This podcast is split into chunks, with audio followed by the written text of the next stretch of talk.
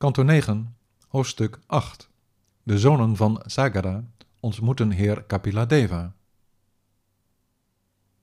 Sri Shukazai. Harita was de zoon van koning Rohita en zijn zoon Champa bouwde een stad genaamd Champapuri. Na hem was er Sudeva, die ook een zoon had genaamd Vijaya. Baruka was de zoon van Vijaya. Hij had er een genaamd Vrika, en Vrika had Bahuka als zijn zoon, van wie al het land dat hij bezat werd ingepikt door zijn vijanden, zodat de koning met zijn vrouw het bos in moest. Toen hij van ouderdom stierf, wilde zijn koningin samen met hem heen gaan, maar de wijze Aurova, die begreep dat ze zwanger was met een jongetje in haar schoot, verbood dat. De bijvrouwen die dat wisten, dienden haar vergif toe via haar voedsel, maar met dat gif werd Sagara geboren, die een keizer werd van een grote vermaardheid. Zijn zonen waren verantwoordelijk voor het leiden van de Ganges naar de oceaan, die toen Sagara werd genoemd. Hij doodde niet de asociale types, noch de dwarsliggers, en ook niet de goddelozen, de schurken en de barbaren. In plaats daarvan stond hij het in opdracht van de geestelijk leraar toe dat ze verschenen in ongewone kleding, glad geschoren waren of snorren droegen. Sommigen mochten van hem verschijnen met loshangend haar, half geschoren, zonder ondergoed of helemaal niet gekleed. Trouw aan de instructies van Aurva aanbad hij, yoga beoefenend met de superziel, middels paardoffers de Heer, die het oorspronkelijke zelf en de meester is van alle Vedische kennis en al de verlichte zielen. Op een dag ontdekte hij dat het paard dat werd gebruikt voor het offer was gestolen door Purandara, Indra.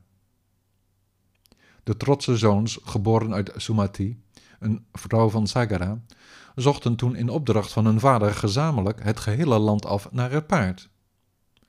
In de noordoostelijke richting zagen ze het paard bij de ashrama van Kapila. Ze zeiden: Nu weten we waar die paardendief met zijn ogen dicht leeft. Dood hem, dood die zondaar. De zestigduizend mannen van Sagara kwamen al dus met hun wapens geheven op hem af. Op datzelfde moment opende de Muni zijn ogen. Van hun verstand beroofd door Indra en in overtreding met zo'n grote persoonlijkheid als Kapila, vatten hun lichamen ter plekke spontaan vlam en veranderden ze in as.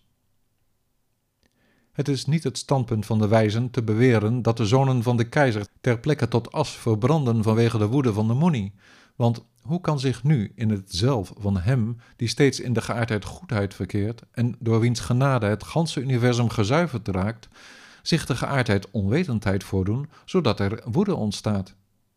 Hoe kan aards stof nu de ether vervuilen?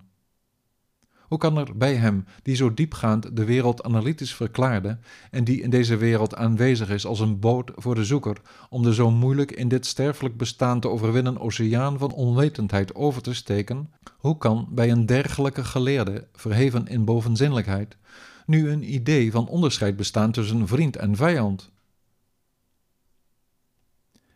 Hij die werd geboren uit Keshini, een andere echtgenote van Sagara, werd Asamanjasa genoemd. Deze prins verwekte een zoon die bekend staat als Amshuman. Hij deed altijd zijn best om zo goed hij kon zijn grootvader van dienst te zijn.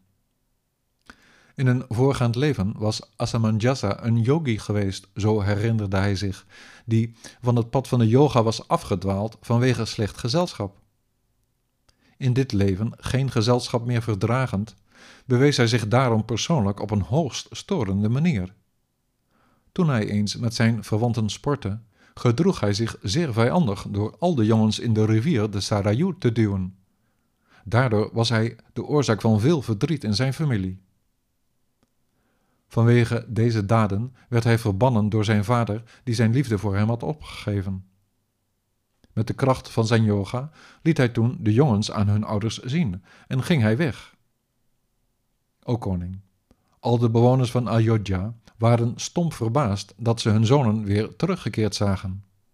Het speet de koning dan ook oprecht dat zijn zoon verdwenen was. De koning droeg Amshuman, Asamanjasa's zoon, op te zoeken naar het paard dat Indra gestolen had. Hij ging er achteraan en volgde het pad dat zijn ooms naar verluid hadden genomen. Zo trof hij het paard aan vlakbij een hoop as. Toen de grote yogi, de bovenzinnelijke heer, de Vishnu-avatara, die bekend stond als Kapila, daar zag zitten, bracht hij, lang uit voorover geworpen, aandachtig met gevouwen handen gebeden. Amshuman zei: Niemand van ons levende wezens kan zich een voorstelling maken van u als de transcendentale persoon. Tot op de dag van vandaag kan zelfs Heer Brahma u niet doorgronden. En door welk mediteren of er naar raden ook, zouden anderen dat kunnen, wij schepselen van de materiële wereld die, het lichaam aanziend voor het ware zelf, in het duister tasten.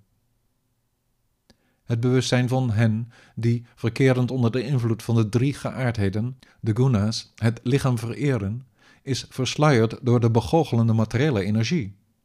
Ze zien, zo zegt men, ook als ze slapen, niets anders dan die drie basiskwaliteiten.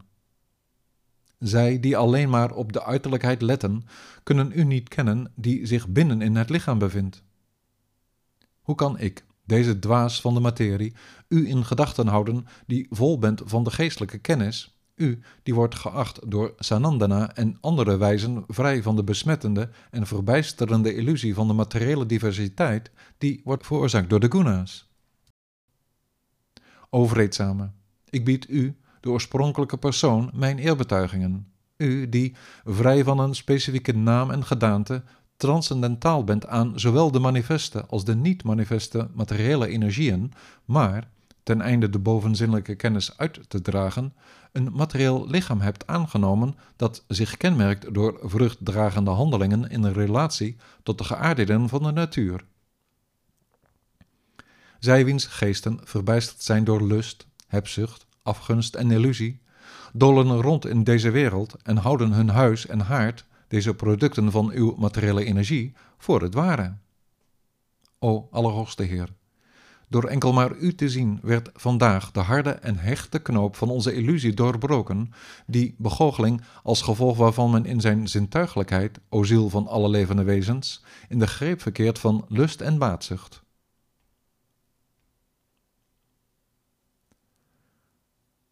Sri Shuka zei.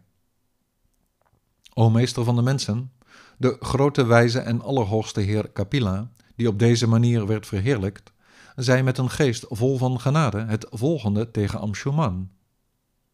De allerhoogste heer zei, Neem dit paard, mijn zoon, het is het offerdier van uw grootvader, maar uw voorvaderen, die tot as verbranden, kunnen door niets anders worden gered dan door gangerswater na hem te hebben omlopen en zich tot zijn voldoening voor hem te hebben verbogen, bracht hij het paard terug naar Sagara, waarop met het dier de ceremonie werd afgerond. Nadat hij zijn koninkrijk had overgedragen aan Amshuman, bereikte hij, Sagara, bevrijd van zijn materiële banden, de hoogste bestemming door het pad te volgen dat was uitgestippeld door Auruva.